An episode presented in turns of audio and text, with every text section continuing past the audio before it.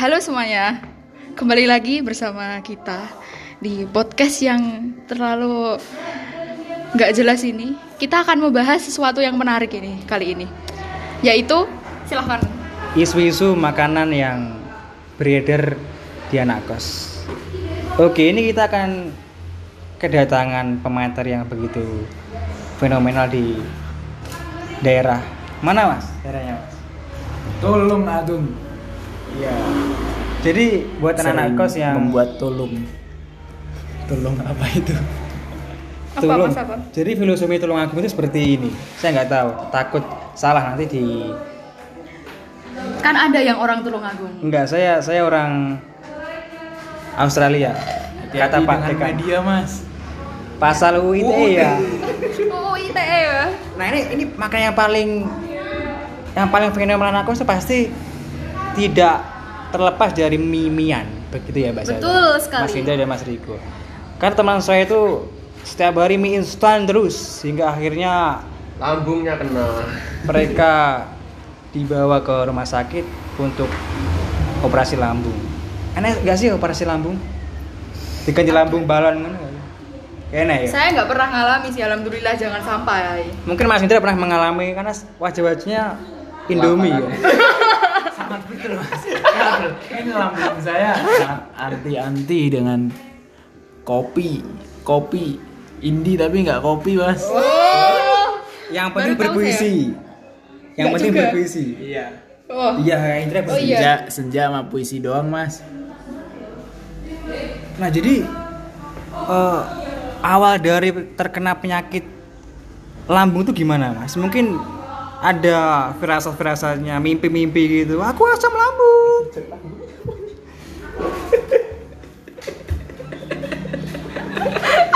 gimana, Mas? Ini menarik, ini menarik karena silakan silakan Mas Indra untuk menjawabnya. Asal muasal dari perut saya ini kena lambung mas. Iya. agak dekat aja, Mas. Seperti Agak agak jangan, jangan terlalu dekat mas. Corona. Emang itu ada. Saya kira cuma konspirasi. ingat UU ITE. Corona di mana-mana mas. kita Biasanya kita, ke- kita biasa- ke Lampung aja mas jangan ke Corona mas nanti kita di blacklist seperti Jerings Aduh. Bahaya mas, bahaya. oke gimana mas kronologinya bisa terkena penyakit yang umum ya terhadap, terhadap anak kos gitu ya. Sangat wajar. Bahkan menurut data BMKG 67 BMKG BMKG itu membahas tentang cuaca ya. Gue rasio kesehatan ya. Biar agak ngejokes gitu. Oke mas Indra silakan mas Indra. Asal muasal mas kena perut saya kena lambung ini. Mahasiswa kan biasanya nyari yang hemat mas. ya ya pasti. Itu itu. Ya itu. Jawabannya sangat saya tunggu. yuk. itu Bisa bisa lebih panjang lagi nggak Mas? Sebenarnya saya ngomong gitu masnya sudah peka itu. Kayak gimana perkembangannya perut itu kayak gimana kalau eh, memilih untuk lebih hemat lagi. Bagaimana mas menurut anda? ya mungkin mungkin faktor E ya mas karena sirkus anak kos itu biasanya awal bulan itu mie instan akhir bulan promax sama oki drink drink ya untuk menunda lapar bahkan teman saya itu setiap hari Jumat itu mencari masjid yang ada eh, apa sih namanya biasa kan bagi-bagi gitu di masjid itu mengejar itu bahkan tiga masjid dikejar untuk mencari makanan tersebut buat mem- membackup hari-hari berikutnya Bener mas, itu nanti nasinya nggak dimasukkan ke kulkas mas, dibiarkan nanti, dibiarkan di uh, lemari, dalam lemari. Itu membuat perut Eh, sedikit sensitif untuk Ya, ya. uh, itu. Oke, itu pemaparan dari Mbak eh Mbak Mbak Indri ya, Mbak Indri ya. Mentang-mentang saya gondrong mas. Indra ya Oke, kita ke Mbak Zata yang sangat pengalaman terhadap mie-mie bahkan Ma- Mbak Mas Meh Mas Mbak Zata ini mengoleksi bungkus mie di kamar ya. Seperti itu ya bahasa ya. Ada Indomie, mie sedap gitu. Nah, Mbak Sati ini lebih ke mana? Lebih ke Indomie atau ke aliran sedap gitu? Kalau saya di kos itu nggak nggak tim Indomie, nggak tim mie sedap ya. Saya tuh lebih ke pop mie yang pakai nasi, Mas. Soalnya itu sangat menghemat sekali dan porsinya tuh cukup untuk saya gitu. Gitu. Saya Apa? bukan tim Indomie, bukan tim mie sedap. Oh, Jadi tim pop mie ya. Ya, pop mie pakai nasi. Nah ini untuk Mas Riko ini dari tadi cuma diam saja nih Mas Riko ini berikan suatu kata dan karena kita bukan pemerintah yang membungkam suara. Ah. Ayo Mas Riko silakan berpendapat terhadap makanan khas dari anak kos seperti itu. Menurut saya sih eh, semua merek sama saja. Yang penting kita kenyang dan tidak kelaparan gitu. Sangat padat sekali ya penjelasannya ya. Oke kita biasanya itu awal bulan itu pasti kita sombong anak kos ya. Uang banyak ke mana itu ke warung-warung yang agak elit lah. Paling elit pak mungkin untuk kelas anak kos tuh masakan Padang bukan begitu ya mas dan mbak-mbak ini. Iya, iya, iya. Nah ini eh, pasti masnya pernah merasakan kuliner di sekitar kampus dong. Pernah pernah mas. Pernah banget. Nah eh, apa yang sering dibeli itu selain mie instan dan nasi padang? Dari Mbak Zata dulu ya. Saya merekomendasikan itu di warungnya Oh, Ma- ini anjir. Eh, Mak Ana. jangan pelan-pelan agak keras. Saya merekomendasikan di warungnya Mak Ana karena di situ tuh murah. Murah banget, gila. Itu sangat baik hati pokoknya. Yang penjualnya itu. Mas Asi apakah pernah menyumbang Anda uang UKT? Enggak, enggak gitu, Mas. Gini loh. Di warungnya Mak Ana itu 5000 tuh sudah dapat nasi, lauk dan itu sangat-sangat banyak gitu. Biasanya ditambah eh Isu-isu agama. skip Untuk Mas Indra ini gimana? Wah, wah mati ini. Makanan favorit selain mie instan ketika awal bulan lah. Biasanya kan anak-anak kos awal bulan kan punya uang banyak gitu, Mas. Iya mas, betul mas. Betul. Nah, Namun- apa makanan favoritnya di sekitar kampus? Namun eh, tidak untuk saya mas. Saya sebenarnya awal-awal bulan hingga akhir bulan tuh menurut saya sama saja mas. Sama-sama. Karena Ya. jangan keras-keras dong. Ah, karena oh, gua gua kan orangnya hemat sekali kan. Eh, Ganti logat ya, Mas. iya mas. Biar tidak keturunan terulang, ya. keturunan gua kan medok-medok Jawa, Ya, ya. Jakarta ya, mas. Ya, ya. Ya, itu mas. Itu. Pernah makan ke warung-warung gitu, Mas? Oh pernah mas itu kalau warung. Eh makanan saya warung mas soalnya di Makti kalau di Tulungagung itu wah Berbeda dengan Mbak Zat ya di mana? Iya, Itu kayak mana. Mati dan mana tuh suatu aliran juga. itu su- suatu bisa suatu saat bisa dikolaborasikan itu mas. Agak sulit Mas karena tuh berbeda mazhab. Bertentangan, bertentangan. Ya bertentangan banget. Mati dengan kultur seperti itu dan makna dengan kultur seperti itu agak sulit untuk menyatukan kedua Apa mungkin, Mungkin ada mungkin terhalang terhalang oleh suatu benda itu mas, suatu wilayah itu. terhalang suatu jalan sih Mas. Mungkin sebuah benda meja mungkin ya. Ah, bisa nggak mas ya. bisa? Oke, cerdas sekali Anda memplesetkan ya. Oke, Mas Riko, Mas Riko gimana Mas Riko ini, Mas? Eh, kalau saya sih eh, lebih ke tim eh, Maana karena saya juga sering eh, makan di situlah. Tapi eh, banyak request. Eh, lauknya di lauknya dibanyakin lah. Jadi mana itu adalah tipe eh, keibu-ibuan banget. Sangat mengerti anak kos lah tapi kalau eh, malam bisa makan ke pecel makitun Nah, ini ini ngomongin soal pecel ini sangat melegenda di Tulungagung gitu. eh pecel tuh dari kediri pecel dari Blitar om dari kediri Tulungagung, Tulungagung. enggak Blitar, dari Om. Mad- Madiun Dari Madiun. dari Madiun Kalau aslinya tumpang tuh dari Kediri. kediri nah Sampai punya apa Blitar? Koi. Tulung Agung itu punya apa ya? Punya punya ya yang Tulung Agung. Bisa aja ya, bisa, bisa. Aduh saya sebut merek ini. Waduh ada penjual pentol urat ini. Oke, kita membahas apa lagi yang bisa dilebarkan tentang pecel yang pecel. Betul, Sebenarnya- banyak sebenarnya- toppingnya. Sebenarnya pecel tuh dari mana sih? Ini saya penasaran juga karena Pecel tuh dari Madiun, asli Madiun. apakah ini empiris? Enggak, eh iya. Tapi kenapa banyak kota yang mengklaim bahwa pecel dari kotanya? Tapi Blitar, tap, Tulungagung, ciri khas pecel itu berbeda-beda. per kota itu. Nah untuk Blitar eh Kediri itu apa? Dari jenisnya? Kediri tuh ada eh, yang diunggulkan tuh pecel tumpang. Betul nggak Mas Indra? Apa itu, Mbak? Oh iya iya iya iya iya. Indra. Sama-sama orang Kediri. Pecel tumpang. Iya, ya, pecel tumpang. Saya biasanya juga di Itu tuh, toppingnya tuh apa aja mas? Toppingnya? Pecel biasa, Apakah tapi dikasih sambal tumpang. garnishnya gitu, misisnya tuh ada? Oke, jelaskan. mungkin bisa dikasih bubble gum, Mas itu. Bubble gum. apa apa toppingnya apa aja mas? Karena saya penasaran tuh pecel apa? Pecel tumpang. Pecel ya? Pecel biasa cuma dikasih sambal tumpang gitu. Nah sambal tumpang tuh apa? Sambal tumpang tuh dari tempe titik-titik. Yuk nggak sih? Ya, yang jelas, Mbak. Yang kalau jelasin yang jelas. Titik itu apa? Yuk nggak sih Indra? Yuk Emang pertanyaan ATK.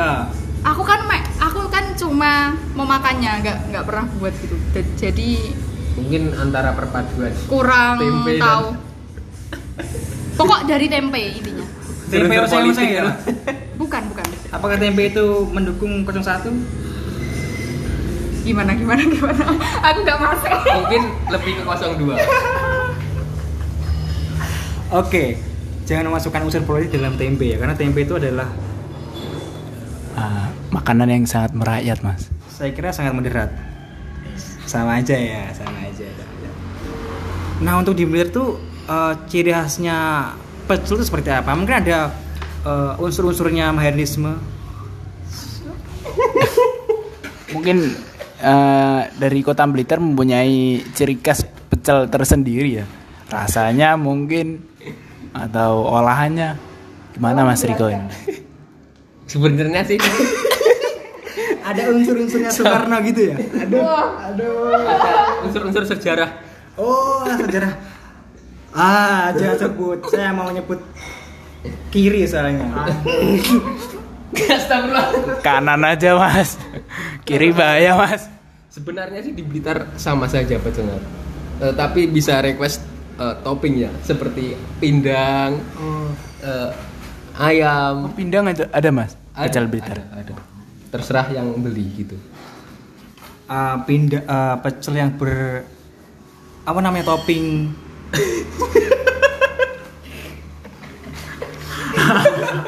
Bertopping apa? Gak jadi, gak jadi, gak jadi. Eh, saya saya mau tanya ini Mas. Apa? Maksudnya pecel ada toppingnya itu gimana Mas? Nah itu dari Mbak Zata tadi topping topping. Saya juga. Mungkin Mbak Zata bisa jelasin deh. Ya kan pecel dari kata pe. Artinya apa? Pe. Pecel tuh kayak dipecel gitu ya bahasanya. Jadi pe gitu Mas. Iya. Eh, kalau di Kalau di Tulungagung apa sih yang yang Yang familiar?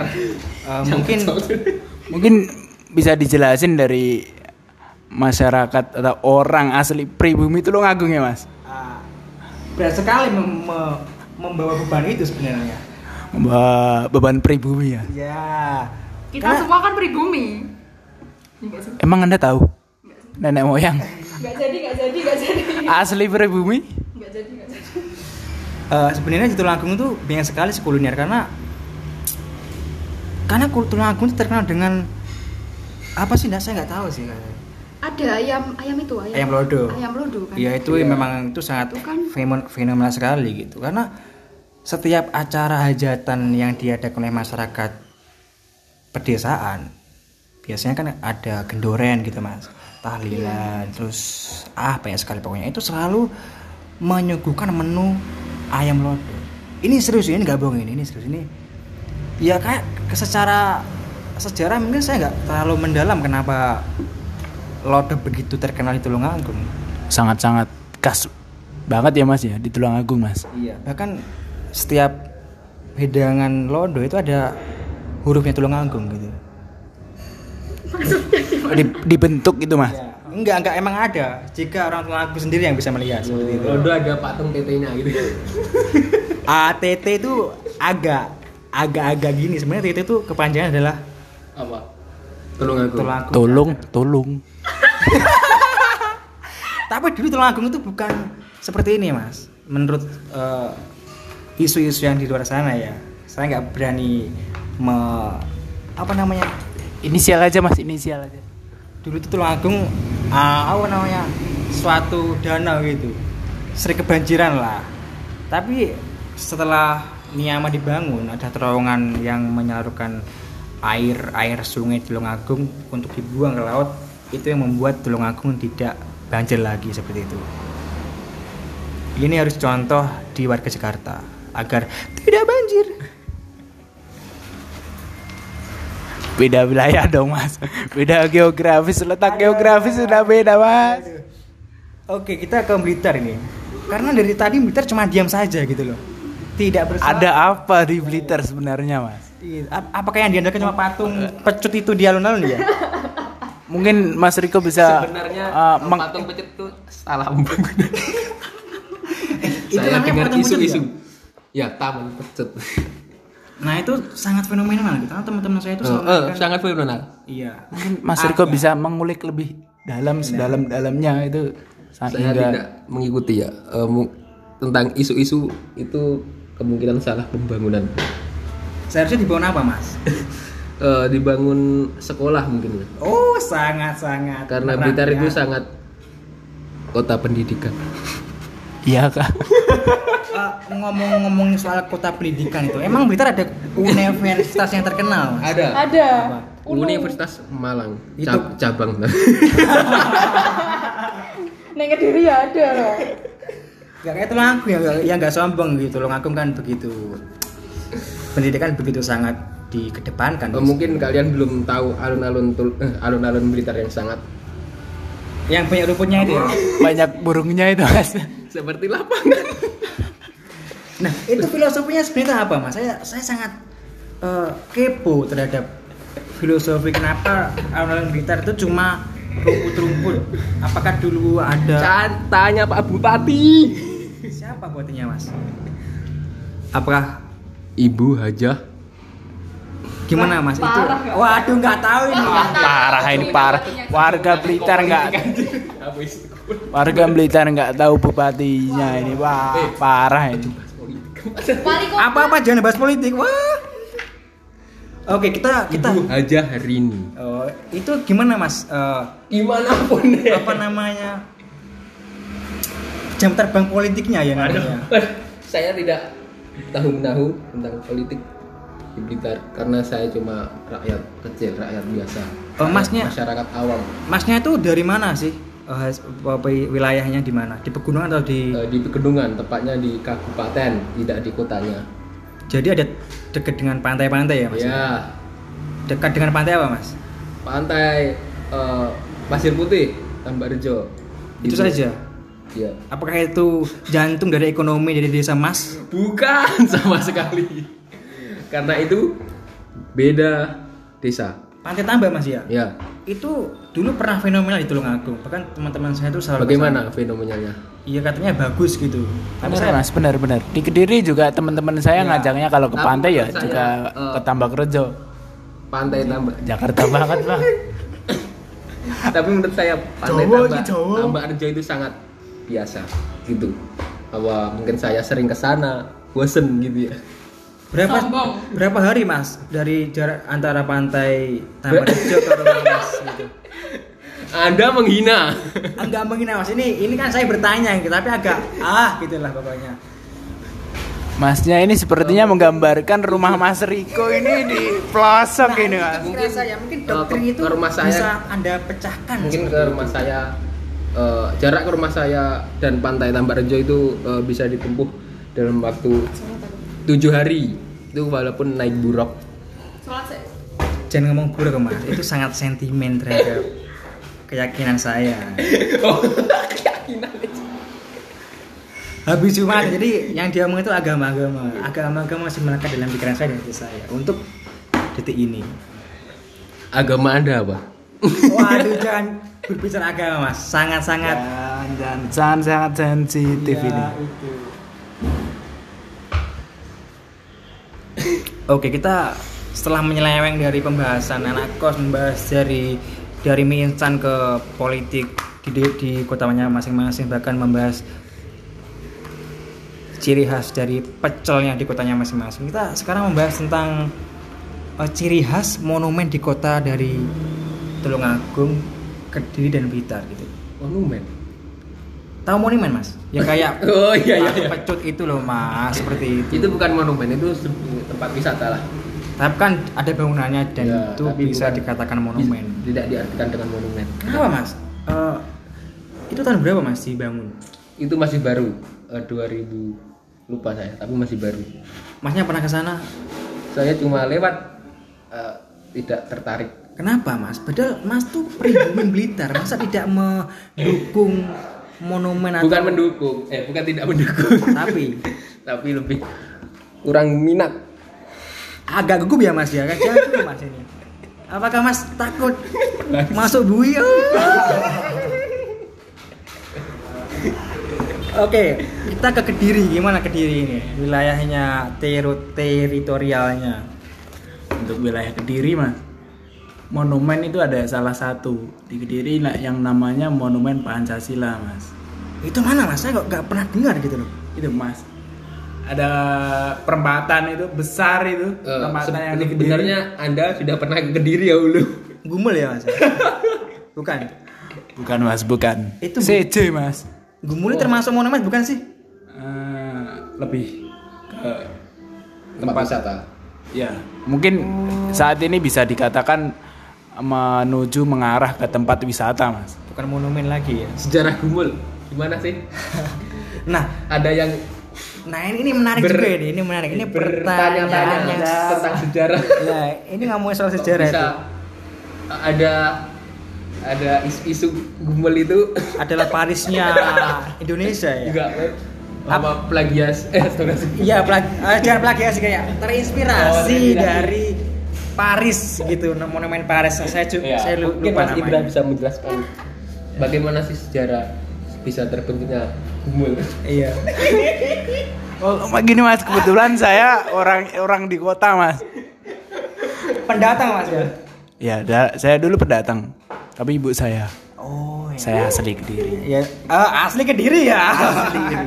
Jadi tahu Namun, lah namun, namun tidak. sedikit sedikit tahu dong dengan Oh. monumen gumul mungkin bisa dijelaskan Monumen? Gumbel yang saya tahu ya itu ada cuma ada simpang lima mas dan bangunan yang mem- mirip dengan yang ada di Paris. Ya, itu sangat bahkan eh, Gumul tuh begitu fenomenal fenomenalnya dan terkenalnya sampai sampai ketika eh, apa namanya tahun baru ya mas? Iya, Mas, itu ya. masyarakat Tulungagung di desa saya itu selalu ke sana untuk melihat Oh iya kah mas? iya. Ya. Saya men- seor- menjadi seorang eh, warga kediri turut bangga Iya, jelas, mempunyai sebuah monumen yang gede ke pencakar Iya, langit itu. iya iya iya. Pencakar langit ya? Tapi itu unik loh eh, monumen kediri itu menurut saya. Karena sebelum ke monumennya kita ke suruh ke parkiran kan Iya, lalu betul. masuk ke terowongan Ya, itu terowong dibangun terowongan. Mas. Iya, itu sangat menarik gitu menurut saya. Apa filosofinya membangun terowongan di bawah tanah gitu? Mungkin untuk mengurangi kemacetan, mengurangi ke- kemacetan yang ada di kediri mas. Dan kecelakaan ya mungkin Mas ya. Bener mas. Nah. Biasanya orang nyabrang langsung Nah, nok gitu mas. karena setiap saya ke sana tuh banyak geng-geng motor ya Mas ya. aduh ya banyak Jangan bayar bayar mengarah ke sana mas. Wah, iya ada isu-isu Bukan itu. Tapi ini bukan mendiskriminasi saya atau apa, pernah tapi mendengar kalau Namun itu sebuah realita yang Ya. harus di eh, di apa mas? diulik lah. Enggak diulik ya. kayak. Enggak enggak diakui diakui. Diakui dan harus ada tindak lanjutnya gitu. Kalau tindak lanjut itu em, menuju ke hak asasi manusia mas. Enggak enggak, soalnya apakah di sana tuh geng motornya meresahkan masyarakat atau hanya sekedar nongkrong di sana gitu loh. Kan saya takutnya kan stigma geng motor kan begitu buruk gitu loh. Nah, kebetulan mas. Lokasi di Gumul ini kan jauh dari pemukiman warga Ya. mas. Nah, itu loh lokasinya luas jalannya luas. Nah Jadi sangat enak buat ya jadi Balap liar dimanfaatkan. dimanfaatkan oleh teman-teman balap liar itu. Hmm, masnya pernah ikut? Enggak mas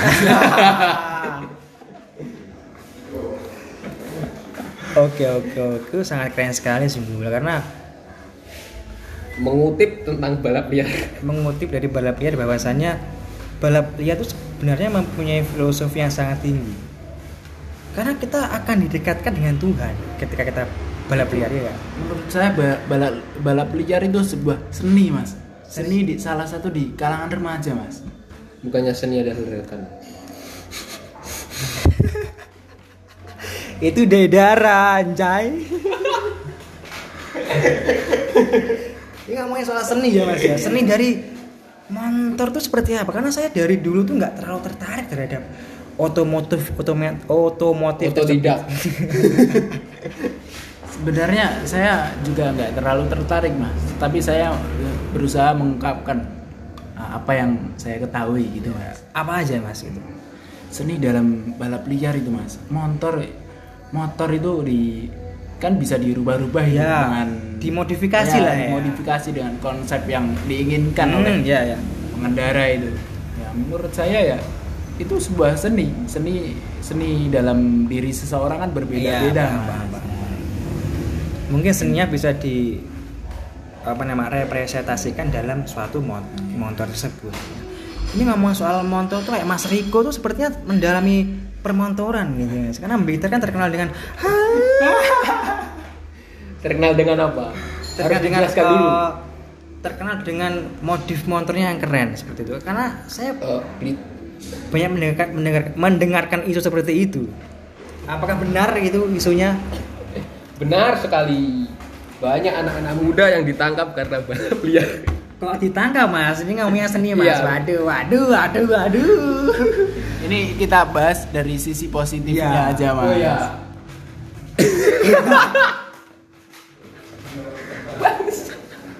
Loh, loh, kok, kok gitu mas Riko? Gimana? Ayo mas Riko. Balap liar posisi positifnya apa anjing? Lah, lah, lah, lah, lah. Kita iya belum tahu kita mencari sisi positifnya di sini. kita mengulik sisi positif dari diadakannya balap Kok liar saya agak good? Santai aja, tenang. Kita jauh dari pasar UIT. Insya Allah. Mungkin eh, banyak yang main motor itu eh, mengalihkan mengalihkan tapi kan om pembicaraan mas tapi tapi ngomongin soal geng-geng motor tuh rata-rata usianya berapa sih geng-geng motor gitu? Apa nih? Eh, bukan geng motor sih, nyebutnya jangan geng motor, tapi eh, komunitas motor modif lah. Itu usianya tuh sekitar berapa aja? Usia umumnya rata-rata orang-orang yang mendalami hal tersebut seperti itu. menurut saya sih eh, menyeluruh ada yang Universal ya, Iya. semuanya Ada bisa. yang- semuanya Ter- bisa. tergantung hobinya sih tergantung Tapi kalau di desa saya mas, di desa itu kultur atau budaya geng motor tuh selalu me,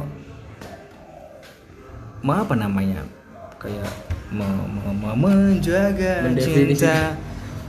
Merujuk kepada orang-orang yang nggak nakal, orang-orang yang usianya masih sangat muda, remaja-remaja yang masih pubertas seperti itu mas. mungkin masih mencari jati diri Ya, mas.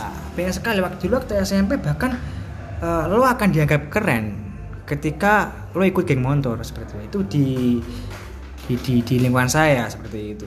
Bahkan saya pernah hampir ikut tapi ternyata sangat mahal sekali memodifikasi sepertinya teman-teman mas ini menggodok pemikiran dari uh, teman-teman yang lain ini mas Iya seperti itu. Tapi menggiring sebuah mindset Nah, ini. ya mindsetnya seperti itu. mungkin Tapi bisa membahas sejarah sedotan gitu timbang motor seperti itulah eh, apa namanya motor-motoran dari berbagai wilayah setelah motor yang paling apa yang paling harus kita bahas itu apa kuliner sudah motor sudah monumen juga sudah Eh, tentang ciri khas juga sudah tempat wisata ini yang harus kita bahas. Kalau Tulungagung jelas kan sangat banyak sekali, pantai juga ada. gitu. Sejarah pun juga ada, ada di Museum nggak salah. Eh, Wajak Kensis kalau nggak salah. Itu penemunya kalau nggak salah guru saya waktu SMA. Kalau nggak salah ini ya. Hmm. Jadi sangat banyak sekali ya. Kenapa mengarah lihat sejarah? Jadi banyak sekali itu Tulungagung wisatanya. Di gunung juga ada. Kebetulan mas, Iya. kemarin saya dari Waduk Wonorejo itu mas. Ah ya ya ya. Itu menurut saya Gimana? sebuah perkembangan yang cukup eh, Modern atau iya pesat gitu. pesat-pesat. Ya Tulungagung itu memang seperti itu sih mas, kayak sombong kan. Eh, kompleks lah, lengkap gitu. Pantai Oh, juga berarti ada, gunung juga ada, Apa- gitu. mall-mall juga ada. Pinggir Walaupun- kali itu apa juga termasuk wisata? Ah, itu wisata edukatif. ah, saya takut diserang ini. bentar mas, bentar mas. Saya sama teman saya diajak teman saya. ya. Itu ke warung pinggir kali mas. Hmm, Iya iya iya. Saya Namun juga- di sana sepertinya terdapat fenomena yang mungkin eh, apa ya mas ya? Agak wah gitu ya. gitu ya. Agak agak apa? Agak agak agak sensi atau agak seksis lah bahasanya. Ya memang sebenarnya itu digunakan untuk mungkin niatnya dari Pemerintah. pem- pemerintah itu untuk digunakan untuk nongkrong, untuk bersantai-santai, tapi kan eh, Menyalah- ya menyalahgunakan Anak fasilitas ya. anak-anak muda yang punya pacar dan ingin melakukan hal yang romantis, Mas. Ya, Mas. Karena Sebentar mas, sebentar. Saya masih belum paham ini. Sebenarnya ada apa? Mas? Mungkin bisa dijelaskan oleh Mas Kasan. Apakah ada sisi lain dari pinggir kali? sisi negatif atau positif ini? Ini, ini patut dipertanyakan juga ini. Mungkin yang kita bahasnya yang positif aja Oke, mas. ya positifnya mungkin dari pembangunan di pinggir kali itu itu menghidupkan ekonomi masyarakat di sekitar ya itu positif positifnya negatifnya ya silakan uji empiris di sana setiap malam ada apa aja gitu Survei langsung ke tempat ya. Iya, gitu karena kalau saya bilang saya nanti memancing atau memancing suatu propaganda di Tulungagung sendiri dan itu sangat membahayakan bagi diri saya sendiri gitu ya mas gitu karena Bukan saya mas. Ya tentunya semua yang berada dalam rekaman ini. Enggak. Tidak dong. Tidak saya nggak mau dong. jangan dong jangan dong jangan dong jangan ini cuma nah untuk kediri itu apa aja mas itu selain Wisata. gumul itu kan yang diadakan kediri cuma gumul sama mallnya saja menurut saya Eh, salah satunya ya wisata Gunung Klotok mas. saya kira gunung Gunung Lotok ya Mas. Ya, gunung Klotok itu ada mas. itu? Itu Gunung apa seperti gunung tapi nggak tinggi banget bisa dibilang seperti bukit gitu. Gitu mas. Di sana ada kolam renang, Apa? tempat sejarah seperti Gua Seo- Selomangkleng gitu. Hari Minggu mas biasanya rame weekend gitu. Nah, orang-orang nggak bisa habis kerja gitu kan, bosen kan di Iya, iya, rumah itu refreshing lah. ke sana gitu ya ke gua ke, ke apa ke gua Mangkling Gua Selo Mangkleng. gua Silomangkling itu apa sejarahnya Eh, tapi kayak namanya itu nama-nama tokoh saya di Kian Santang ya, ya? Kacau, eh enggak kacau. tokoh-tokoh sejarah gitu mas Kacau, kacau. pewayangan lah pewayangan ya. Kediri Ya. nampaknya pantainya sangat luas. tidak ada pantai di sana nah ini mas sebenarnya gua Selomangkeng ya itu apa mas At- makamnya siapa atau apa gitu Monggo Mbak Mbak Sate yang baru datang kembali, iya. Mungkin bisa membantu saya untuk menjelaskan apa itu Gua Selo Mangkleng. Gua Selo Mangkleng kan sejarahnya nganu. Apa? Pas setengah jam muncul. Eh, apa gitu Gunung Gunung Klotok. Iya gak sih? Iya, iya. Gua Selo Mangkleng tuh di kawasan apa? Gunung Gunung Klotok. Klotok itu. Saya kurang tahu sih sejarahnya. Eh, ka- kalau berbicara tentang gunung tuh katanya ada gunung yang diperebutkan oleh dua wilayah gitu. Ada ini mas. Nah itu Apa tuh? Apa tuh? Anda ini Apa tuh? Apa tuh? Apa tuh? Apa tuh?